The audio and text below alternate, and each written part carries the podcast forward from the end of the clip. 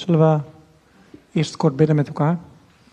Vader in de hemel, Jezus, wij verhogen U. En U alleen willen we zien door het gepredikte woord. En U alleen wil ik verkondigen. Jezus, naam boven alle namen. Die gegeven is onder de hemel op de aarde, door welke wij moeten zalig worden. Dank u wel dat uw naam verkondigd wordt en dat uw koninkrijk wordt uitgebreid. En dat uw koninkrijk wordt versterkt en bemoedigd. En dat is ook ons gebed, heren, dat uw woord ons vandaag mag bevestigen, mag bemoedigen, mag versterken, mag aansporen. En dat het ons nieuw licht zal geven in uw woord. Leid mij, neem mijn stem, geef dat ik in alle rust mag spreken en dat uw geest de woorden in mijn hart legt en in mijn mond. Zo leggen we deze dienst terug in uw handen, want het is uw dienst. We bidden dit in Jezus' naam. Amen. Voor degenen die uh, niet in de ACR WhatsApp-groep zitten, we willen gaan lezen Deuteronomium 30.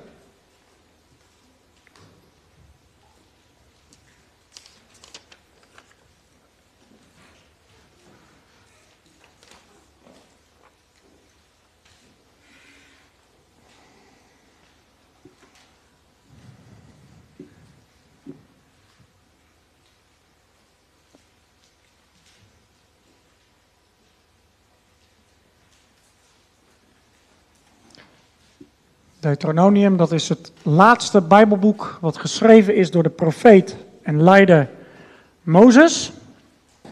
En Deuteronomium betekent eigenlijk tweede wet of herhaling. Mozes weten we, die heeft de eerste vijf boeken van de Bijbel geschreven. En die noemen we wel eens bij elkaar de Torah. Vijf boeken vormen één geheel, dat is de Torah. Die zijn gegeven aan het volk van Israël. Ze richten zich ook op Israël. En vooral dit laatste Bijbelboek, Deuteronomium, dat zouden we eigenlijk kunnen zien als een één grote afscheidspreek. We zien eigenlijk het volk van Israël is bijna bij het land Canaan. 40 jaar hebben ze erover gedaan om voor die grens te staan en nu staan ze voor de Jordaan. En Mozes die weet, ik ga dat land niet binnen, maar nog één keer wil hij dat hele volk wil hij aanscherpen. En hij wil die wetten die hij van God gekregen heeft, wil hij ze nog één keer inprenten. En eigenlijk zouden we dus wel dit Bijbelboek, het boek Deuteronomium, kunnen zien als één grote afscheidspreek. Mozes gaat afscheid nemen van het volk en je ziet in dat hele Bijbelboek de verantwoordelijkheid die hij heeft voor dat volk wat hij draagt. En dan hebben we nu hoofdstuk 30 voor ons liggen, maar in hoofdstuk 28 heeft hij heel duidelijk de zegen en de vloek uitgelegd. Hij zegt, als jullie nou wandelen in de weg van de Heer, als jullie zijn stem gehoorzamen, dan komen er zegeningen. Dan heb je overvloed van oogst. Dan heb je kinderen geen miskraam en de dieren die zullen overvloedig vruchtbaar zijn en nou noem allemaal zegeningen op.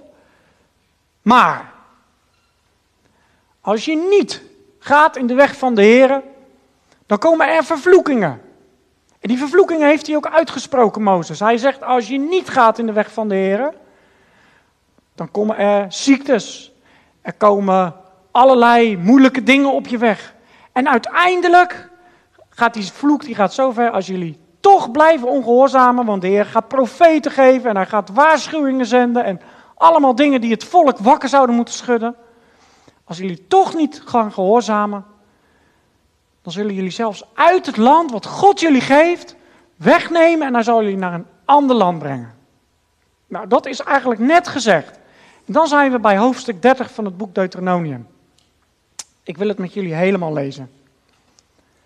Het zal gebeuren Wanneer al deze dingen, de zegen en de vervloeking, die ik u voorgehouden heb, over u komen, dat u het weer ter harte zult nemen, onder alle volken waarheen de Heer uw God u verdreven heeft.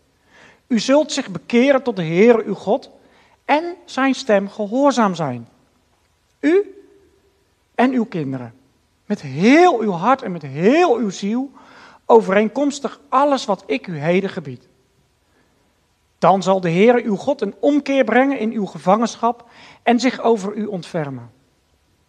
Hij zal u weer bijeenbrengen uit al de volken waarin de Heere uw God u verspreid had. Al bevonden uw verdrevenen zich aan het einde van de hemel, toch zal de Heere uw God u vandaar bijeenbrengen en u vandaar weghalen. En de Heere uw God zal u naar het land brengen dat uw vader in bezit hadden, en u zult het weer in bezit nemen. En hij zal u goed doen en u talrijk maken, talrijker dan uw vaderen. De Heer uw God zal uw hart en het hart van uw nageslacht besnijden, om de Heer uw God lief te hebben met heel uw hart, met heel uw ziel, zodat u leven zult. De Heere uw God zal al deze vervloekingen op uw vijanden leggen en op hen die u haten en die u vervolgd hebben. En u zult zich bekeren tot de stem van de Heere. U, eh, u zult zich bekeren, de stem van de Heere gehoorzaam zijn en al zijn geboden die ik u heden gebied houden. De Heere uw God zal u overvloed geven in al het werk van uw handen, in de vrucht van uw schoot, in de vrucht van uw vee, in de vrucht van uw land, ten goede. Want de Heere zal zich weer ten goede over u verblijden, zoals hij zich over uw vader verblijd heeft. Wanneer u de stem van de Heer, uw God, gehoorzaam bent, door zijn geboden en zijn verordeningen, die u in dit wetboek geschreven zijn, in acht te nemen, wanneer u zich bekeert tot de Heer, uw God, met heel uw hart en met heel uw ziel. Want dit gebod dat ik u heden gebied, is niet moeilijk voor u. En het is niet ver weg. Het is niet in de hemel, zodat u zou kunnen zeggen: wie zal er voor ons naar de hemel opstijgen om het voor ons te halen? En laten we het, laat, laat het en ons te laten horen, zodat wij het kunnen doen. Het is ook niet aan de overzijde van de zee, zodat u zou kunnen zeggen: wie zal voor ons oversteken naar de overzijde van de zee, om het voor ons te halen en het ons te laten horen, zodat wij het kunnen doen? Want dit woord is heel dicht bij u, in uw mond en in uw hart om dat te doen. Zie, ik heb u heden het leven en het goede voorgehouden, maar ook de dood en het kwade.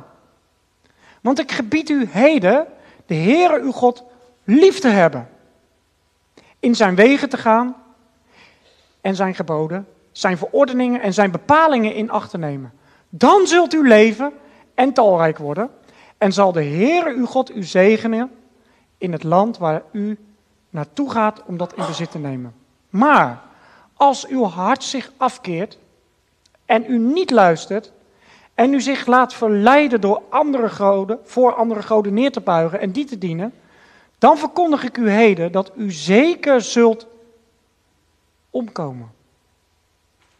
U zult uw dagen niet verlengen in het land waarvoor u de Jordaan oversteekt, om er te komen en het in bezit te nemen.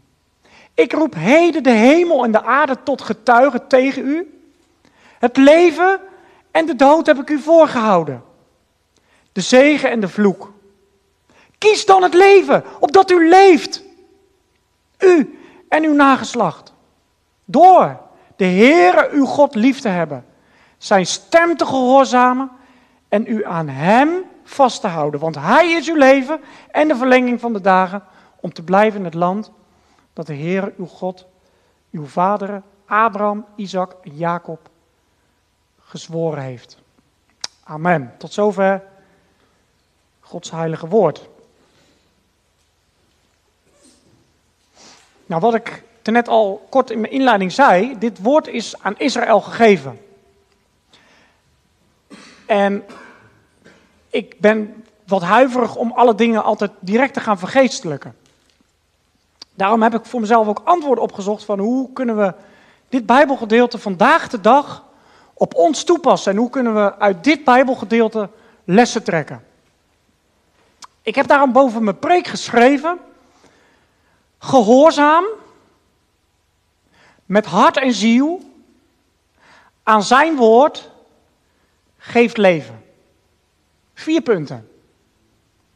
Gehoorzaam met hart en ziel aan het woord geeft leven. Eenvoudig te onthouden. Als we met elkaar goed gelezen hebben en we hebben het misschien thuis al bestudeerd of is goed aandachtig doorgelezen, dan moet ons eigenlijk wel opgevallen zijn dat een aantal woorden heel veel keer terugkomen. Gehoorzaamheid komt vier keer voor. Hart komt zeven keer voor. En ziel komt drie keer voor. Dus dat heeft een kern in dit Bijbelgedeelte. Gehoorzaamheid, hart en ziel. Zoals het volk van Israël Gods woord moest gehoorzamen en moest luisteren naar de wetten en de leefregels van God, zo is ons aan nieuwtestamentische christenen ook een weg voorgehouden die wij moeten volgen. Nergens in het Nieuwe Testament lezen wij dat wij de oud-testamentische wetten, zoals die in Deuteronomium en de boeken daarvoor beschreven zijn, moeten houden. Sterker nog, de apostelen die zeggen, het juk wat onze vaders niet hebben kunnen dragen, gaan we ook niet op de heidenen leggen. Maar wat dan wel? Nou, laten we eerst eens gaan naar Deuteronomium 18. En ik zou zeggen, hou vooral je Bijbel erbij, want ik wil vandaag veel de Bijbel laten spreken. Uh, naarmate dat we vaker gaan evangeliseren met elkaar als gemeente, komen we meer met moslims in gesprek. En wat mij opvalt is dat bijna alle moslims zeggen: Wij hebben de laatste profeet. Jullie zijn gestopt bij Jezus. Wij hebben Mozes. Wij hebben Jezus of Isa, hoe ze Jezus ook noemen. Maar wij hebben ook Mohammed. Nou, dat ze Mozes volgen, dat is natuurlijk goed. En dat ze Jezus daarna gevolgd hebben, dat is ook goed. Mozes heeft in hoofdstuk 18, vers 15 gezegd: Een profeet uit uw midden, uit uw broeders, het volk van Israël dus, zoals ik, zal de Heere uw God voor u doen opstaan. Naar hem moet u luisteren. Met andere woorden, Mozes heeft aangekondigd dat er een profeet aankomt. Die zou onderwijs gaan geven. En naar hem moesten ze gaan luisteren. Wat Jezus niet gedaan heeft, is zeggen dat er na hem nog een profeet zou komen, naar wie we moesten gaan luisteren. Jezus is de laatste profeet, want hij heeft van zichzelf getuigd. En de Vader getuigt van Jezus. En daarom, Mohammed is geen Israëliet, geen Jood. En moeten we hem ook niet volgen. Jezus zegt Hebreeën 5. Ik zou zeggen, zoek het even op.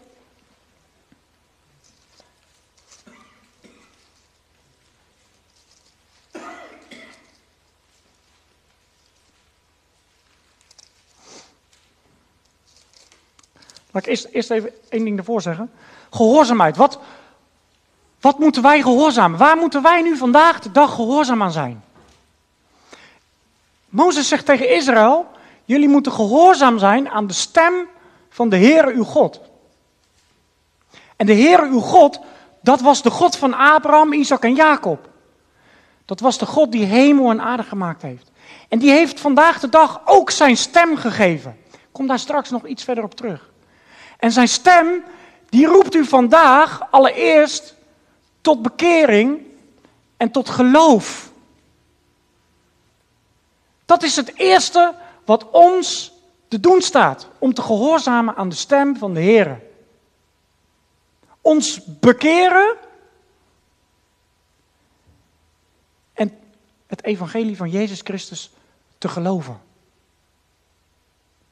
Als je je niet bekeert en het evangelie niet gelooft, dan heeft de rest van de preek ook geen enkele nut en geen enkele zin. Als je probeert de volgende stappen of het volgende onderwijs tot je te nemen en je wil Jezus buiten de deur van je hart houden. En je wil je niet afkeren van je oude levensweg, van je vleeselijke daden. Je wilt dingen in je leven vast blijven houden die gewoon absoluut niet bij God horen. Het Nieuwe Testament zegt: bekeert u, ga dus de andere kant op, ga richting God en geloof het evangelie.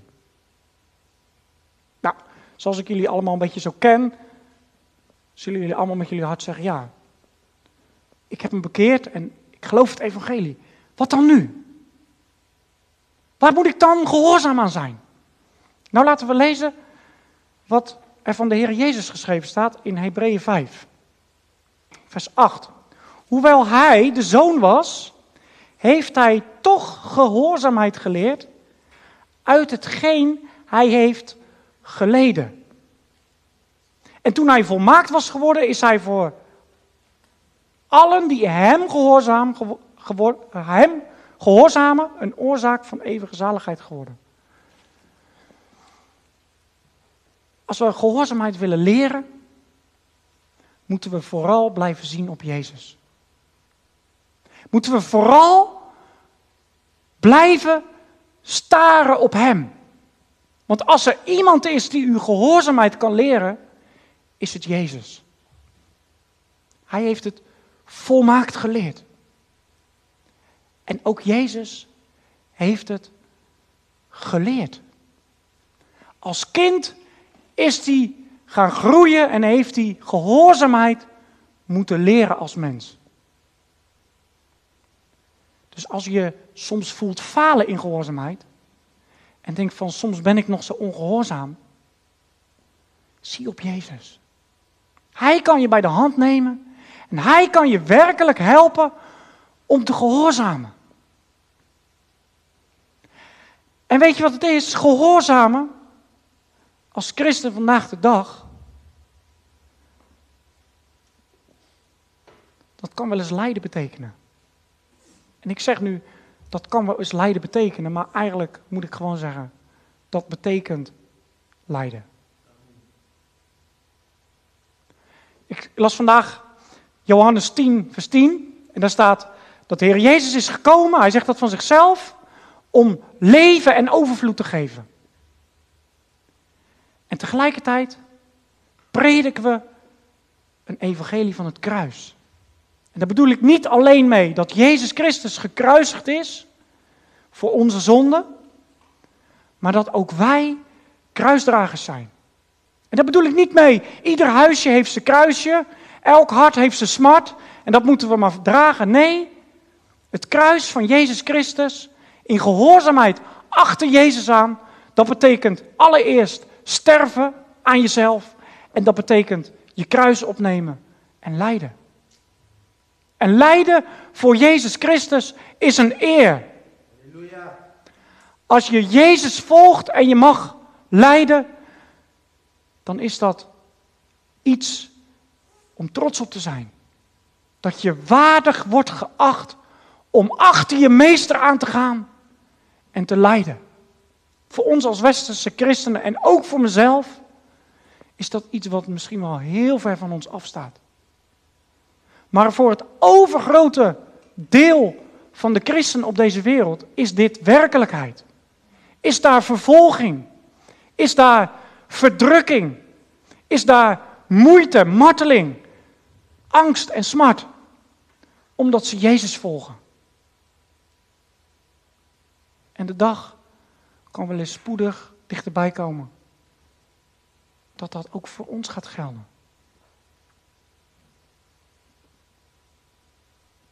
Weet je, ik zie het hele gebeuren wat er nu in de Tweede Kamer gebeurt en waar de debatten over gaan, allemaal als voorbereidingen.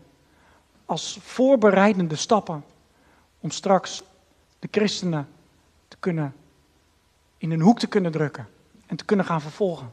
En natuurlijk denken we allemaal heel beschaafd als westerse mensen van dat is ver van ons weg en we zijn toch allemaal, we moeten elkaar accepteren en respecteren. Het is niet zo.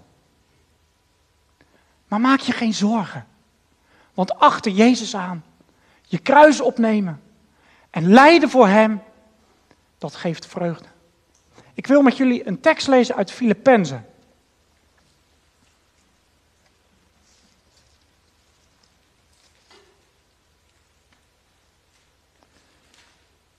Filippenzen 3. Dan zegt Paulus in vers 10, opdat ik Hem mag kennen en de kracht van Zijn opstanding en de gemeenschap met Zijn lijden, doordat ik aan Zijn dood gelijkvormig word. Om hoe dan ook te komen tot de opstanding van de doden. Hij zegt allereerst, zegt hij, opdat ik Jezus mag kennen. Dat is tot geloof gekomen zijn. De kracht van zijn opstanding, dat is leven. Leven omdat Jezus leeft. En tegelijkertijd zegt hij, daarachteraan zegt hij, in de gemeenschap met zijn lijden. Het lijkt wel of dat dit de verkeerde volgorde is. En toch ben ik ervan overtuigd dat de nieuwtestamentische volgorde is. Je staat met Jezus Christus op. En die opstandingskracht komt pas werkelijk tot uiting als we voor Jezus gaan lijden. Als we ons kruis opnemen. En als we waardig worden geacht om vervolgd te worden.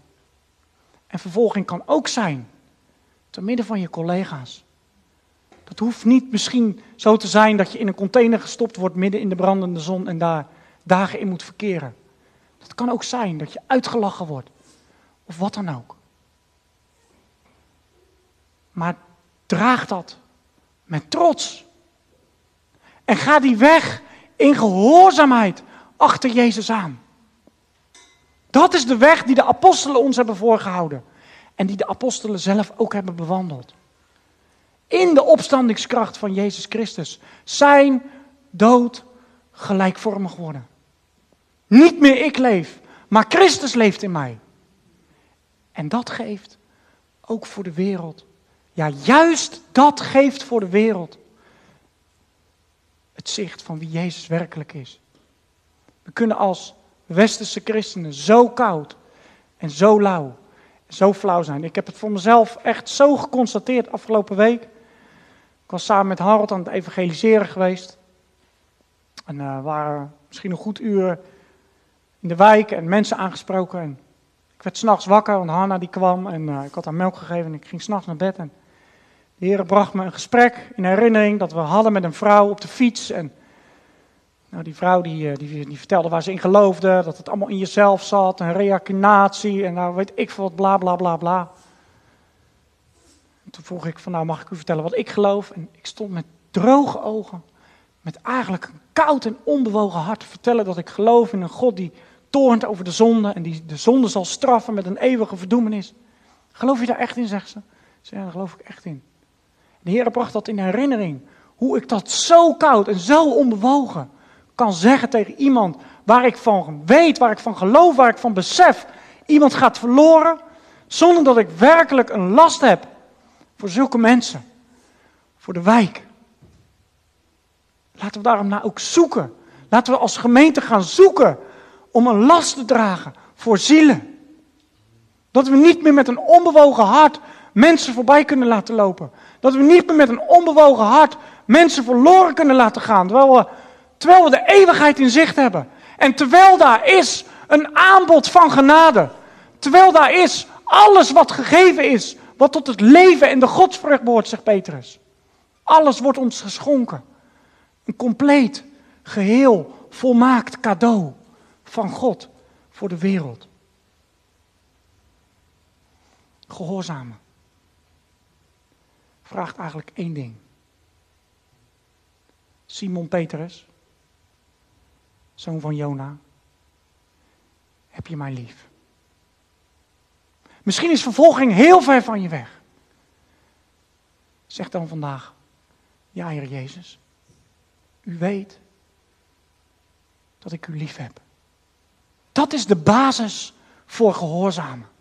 Dat is de basis om achter Jezus aan te kunnen gaan. Diepe liefde. Laten we teruggaan met elkaar naar Deuteronomium 30.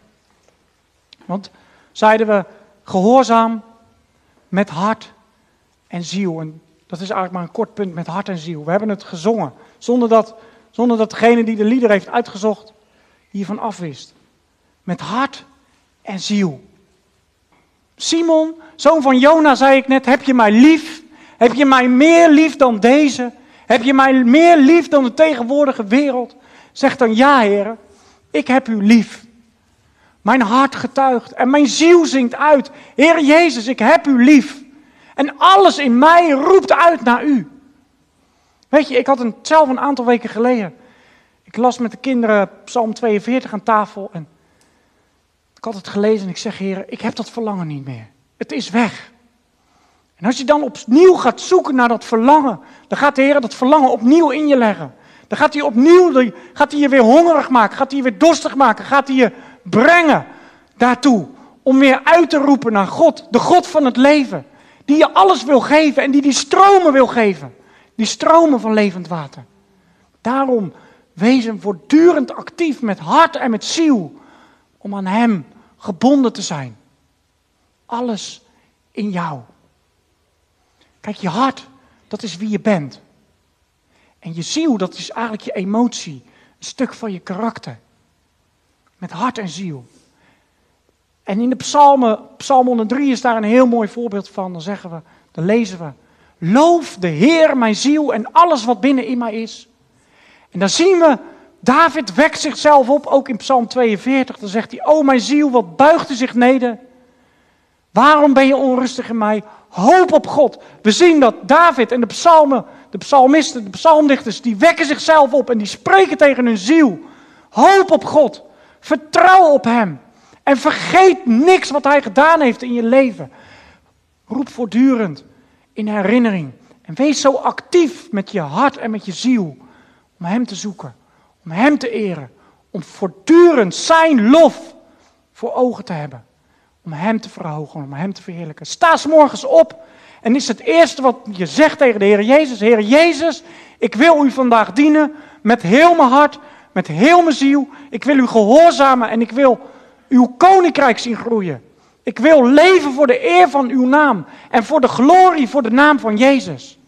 Sta zo op en wees zo actief achter Jezus aan.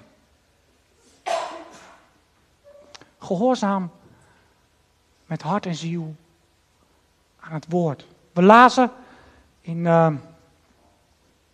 vers, vanaf vers 12, ik ga het nog een keer lezen.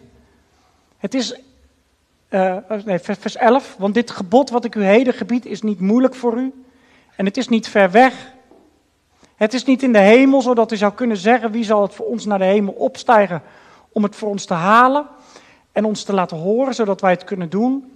Het is ook niet aan de overzijde van de zee, zodat we zouden kunnen zeggen wie zal er voor ons naar de overkant gaan van de zee om het voor ons te halen, zodat we het kunnen horen en wij het zo kunnen doen. Want dit woord is heel dicht bij u, in uw mond en in uw hart om het te doen. En ik vind vrijmoedigheid om deze woorden in het Nieuwe Testament vanavond ook aan jullie hart te leggen. Romeinen 10, vers 8 zegt het volgende.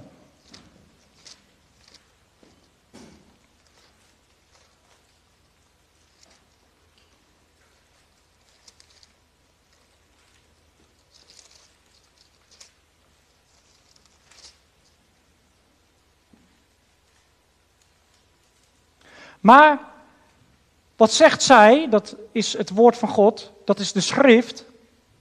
Dicht bij u is het woord in uw mond en in uw hart. Dit is het woord van het geloof dat wij prediken. Als u met uw mond de Heer Jezus beleidt en met uw hart gelooft dat God hem uit de doden heeft opgewekt, zo zult u zalig worden. Nabij u is het woord. Het woord van God is niet en zeker ook het evangelie is niet zo moeilijk dat we iemand naar de hemel moeten sturen. Die het ons zal moeten vertellen. Het is niet zo moeilijk dat we iemand naar de overkant van de Maas moeten sturen. Om het ons te laten vertellen. Nee, de Bijbel zegt, nabij u is het woord. In uw mond en in uw hart. En we lezen dat terug in de gelijkenissen die de Heer Jezus vertelt. Neem onder andere Matthäus 13, zoek het thuis eens op. Daar geeft de Heer Jezus een gelijkenis van de zaaier die uitging om te zaaien. En het zaad valt op de weg. Het zaad valt op steenachtige plaatsen. Het, het zaad valt tussen de doornen en tussen de distels. En de discipelen die begrijpen het niet. En die vragen, de vragen later, Heer Jezus, wat betekent dat nu? En dan gaat de Heer Jezus gaat het uitleggen. En drie keer staat deze gelijkenis in de Bijbel. En drie keer staat er hetzelfde bij, dat de Heer Jezus zegt, het zaad is het woord, wat gestrooid wordt, wat gepredikt wordt. Maar dan komt de boze, dat zijn die vogeltjes, die nemen weg wat in het hart is gezaaid. Met andere woorden, prediking van het evangelie, evangelisatie, of op wat voor manier we ook het woord van God uitdragen, dat komt in het hart terecht. Dat is niet iets van, het komt vandaag in je hoofd binnen, wat ik vandaag zeg. En misschien als je thuis komt, dat God een wonder doet en moet het een halve meter zakken en komt het in je hart. Nee, het woord komt in je hart. Dat is iets wat hij doet. Dat doe ik niet. Dat is geen kunstje van een mens, dat doet hij. Omdat hij zegt dat het woord nabij is, in uw mond en in uw hart. En zo dichtbij komt ook de roepstam van het evangelie. De Heer Jezus staat aan de deur van je hart en hij klopt. En hij zegt, indien iemand opent, ik zal bij hem binnengaan. En ik zal avondmaal met je houden. En hij met mij. Dat is het evangelie. Dat is niet iets wat ver weg is. Of wat voor je wordt gehouden. En je denkt, oh wat mooi, maar ik kan er niet bij. Ik kan het niet pakken. Oh, maar ik kan het niet aannemen. Je kunt het wel aannemen. Want hij kan niet dichter bij jou komen. Jouw hart is jouw gebied. Dat is jouw territorium. En als hij zegt, ik sta aan de deur en ik klop. En als iemand open doet, dan moeten we er niet wat anders van maken dat hij de deur open moet doen. Hij doet de deur niet open, want hij klopt. En hij vraagt, mag ik bij je binnenkomen? Zo dichtbij wil Jezus komen. De profeet Jezaja die heeft het gezegd. Roep, zoek mij of zoek hem terwijl hij te vinden is. En uh, roep hem aan terwijl hij nabij is. Jezus is nabij. En het woord van God is nabij. Nabij u is het woord in uw mond en in uw hart. En het woord is vlees geworden. En het heeft onder ons gewoond. En wij hebben zijn heerlijkheid gezien. De heerlijkheid als de enige geborene van de Vader. Vol van genade en waarheid. Het woord gehoorzamen is Jezus gehoorzamen. Het woord van God gehoorzamen is Jezus gehoorzamen. Dat wat Jezus zegt, dat moeten we ter harte nemen. Dat wat Jezus zegt, dat moeten we doen. En als Hij tegen u zegt, doe mij open, dan moeten we open doen. En als Hij tegen u zegt, volg mij, dan moeten we niet zeggen, ik kan u niet volgen, want ik weet niet hoe het moet. Want Hij zegt het tegen de discipelen. Mensen die Hem nog niet gevolgd hebben, die vissers waren, die tollenaren waren, die midden in hun zondige leven zaten. Jezus zegt tegen ze, volg mij, en ze volgden Hem. Dat is de roepstem van het evangelie. Dat is achter Jezus aan. Zijn woorden gehoorzamen. Met heel je hart. Met heel je ziel. Met liefde. Weet je, God is niet een God die wil dat we hem mokken dienen. Nou ja, omdat hij het zegt, dan, dan zal ik het maar doen. Nee, God wil dat we gewoon met ons hart hem volgen. Simon, zoon van Jona, heb je me lief? Broeder, zuster, heb je hem lief? Met heel je hart, met heel je ziel. Dan wil je toch niks anders doen als zijn woorden tot je nemen. Zoals dat lied het zegt, als een kostbaar geschenk. Dan wil je toch niks liever doen dan hem gehoorzamen. En dan achter hem aan te gaan. Je kruis op te nemen. Hem te volgen. Zelfs als dat je kost pijn, moeite, verdriet, vervolging, verdrukking, honger, nood, wat het ook mag zijn. Als je Jezus toch hebt, dan heb je toch alles. Dan heb je toch het leven. Zoals Mozes het zegt in hoofdstuk 30 van Deuteronomium. Kies dan het leven. Kies dan het leven. Ik uh, moest, uh, moest, eigenlijk in de voorbereiding moest ik wel denken, misschien kennen jullie wel, die, die posters, kies voor Jezus. En uh, ja, ik weet wel, uit, uit, uit, uit de gezinten waar ik uitkom, moesten ze niks van die posters hebben, want de mensen kan niet kiezen voor Jezus. Maar dan, dan moeten we ook wel zeggen dat, dat Mozes vreselijk evangelisch is.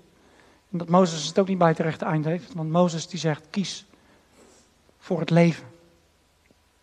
En Jezus heeft gezegd, ik ben het leven. Ik ben de opstanding en het leven. En wie in mij gelooft, zal leven, ook al was hij gestorven. Kies voor Jezus. Dat is leven. Jezus is degene die je kan laten opstaan uit de dood. Allereerst de geestelijke dood. Maar ook als je Jezus gehoorzaamt. Wat we net lazen, Filippenzen 2 of Filippenzen 3. Achter Jezus aan. Hem kennen. De kracht van zijn opstanding. Zijn dood gelijkvormig worden. Om hoe dan ook te komen tot de wederopstanding van het leven. Het leven wat na dit leven ligt. Nee, niet een stuk land hier op aarde, maar een hemels vaderland. Eeuwig bij Jezus. Eeuwig bij de levensvorst. Eeuwig. Een eeuwigheid doorbrengen met Jezus. Zeg nou eerlijk, dat is toch je diepste verlangen als christen? De eeuwigheid doorbrengen met Jezus. En, en hoe het dan ook mag zijn in de hemel, dat doet er toch niet meer toe. Of dat de straten nou van diamant of van goud zijn of wat het ook. Het gaat toch om Jezus. Het gaat toch om je liefste. Die je met heel je hart en met heel je ziel lief hebt. Hem wil je toch gehoorzamen. Laat ik met jullie nog één tekst lezen. 2 Thessalonicense 1.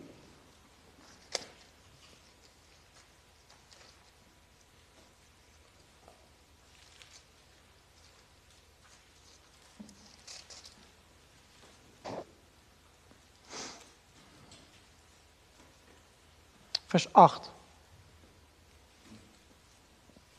En dit is als een waarschuwing voor degene die vanavond denkt, nou die Jezus die kan me wat. Hij roept misschien wel, maar ik heb hier helemaal geen behoefte aan. Het woord van God zegt daar het volgende. Wanneer Hij komt, dat is Jezus, met vlammend vuur wraak oefent over hen die God niet kennen. En over hen die het evangelie van Jezus Christus niet gehoorzaam zijn. Twee dingen over deze tekst. Die God niet kennen, dat geeft ons de verantwoordelijkheid die Hem kennen, bekend te maken met Hem die Hem niet kennen. Wij hebben de verantwoordelijkheid om mensen die God niet kennen, met Hem bekend te maken. Eén. En twee, Hij komt met vlammend vuur wraak oefenen over degene die het evangelie van Jezus Christus ongehoorzaam zijn. Nu begrijpen we Mozes. Het leven en de dood. De zegen en de vloek. Het licht en de duisternis. De hemel en de hel. Ze zijn u voorgehouden. Wat kiest u? Wat kies jij? Kies je het leven? Kies je de weg van gehoorzaamheid? De stem van God. Gehoorzaam is niks anders dan horen wat God zegt. Luisteren en doen wat Hij van je vraagt. Of ongehoorzaam zijn. Je hart verharden en denken, nou, Jezus, Hij kan me wat. Vandaag is je het leven en de dood voorgehouden. Een weg naar de hemel. Jezus. Een weg naar de hel. Zonder Jezus.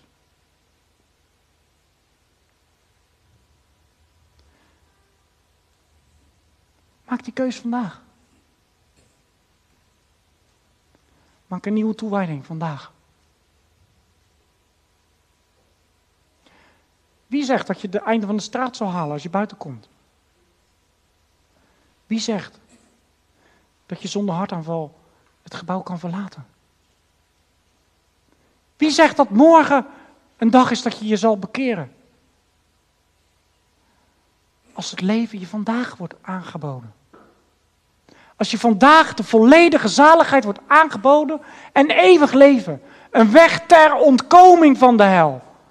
Een weg ter ontkoming aan dat vlammende zwaard. En de wraak en de toorn van God. Misschien zeg je, ja, het is allemaal maar zo vaag. Wraak en toorn van God. Wil je weten hoe dat eruit ziet? Wraak en toorn van God? Zie het kruis.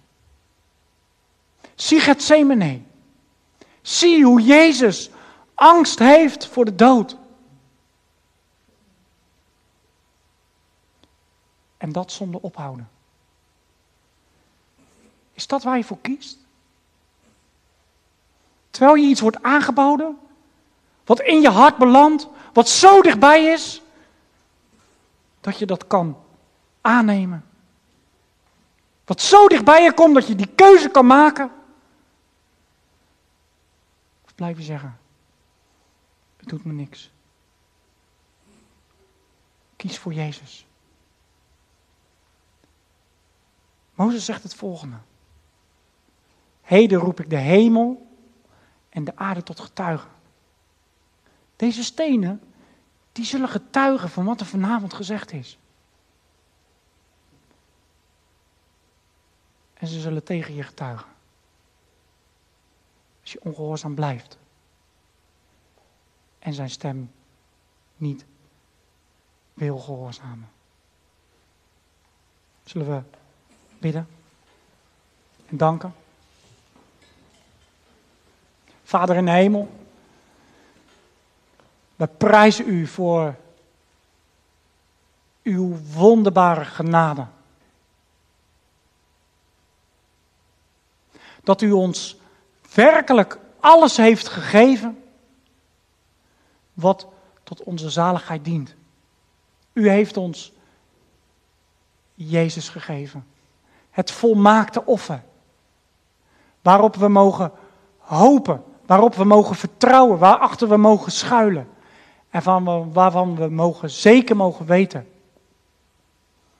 dat Hij het voor ons gedragen heeft. Dank u wel, Heer Jezus, dat U het bent die voor ons alles heeft volbracht aan het kruishout van Golgotha. En Vader in de hemel, ik vraag u dat u ons als gemeente helpt een blijvende weg van gehoorzaamheid te gaan. Om werkelijk dagelijks die keuze te maken voor het leven.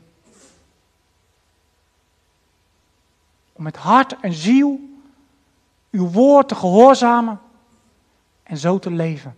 En u te mogen presenteren aan degenen die u nog niet kennen.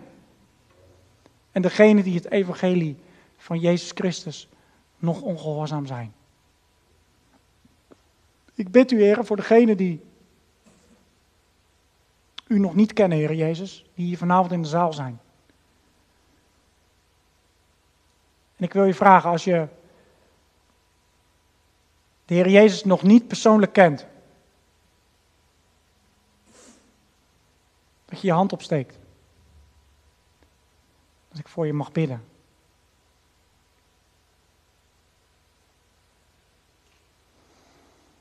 Vader, dank u wel. Vader, dank u wel voor uw woord. En u zegt het zelf, mijn woord is geest en leven. Heer, geef dat het onderwijs wat vanavond gepredikt is, Heer, ons dicht bij u zal houden. Dat we ons oog alleen op Jezus Christus en die gekruisigd zullen houden. Dat uw opstandingskracht, Heer, ons dagelijks helpt om een kruisigend leven te leven. Onszelf te verloochenen. ons kruis op te nemen. En u na te volgen, Heer Jezus. We danken u, we prijzen u en we aanbidden uw machtige naam in Jezus' naam. Amen.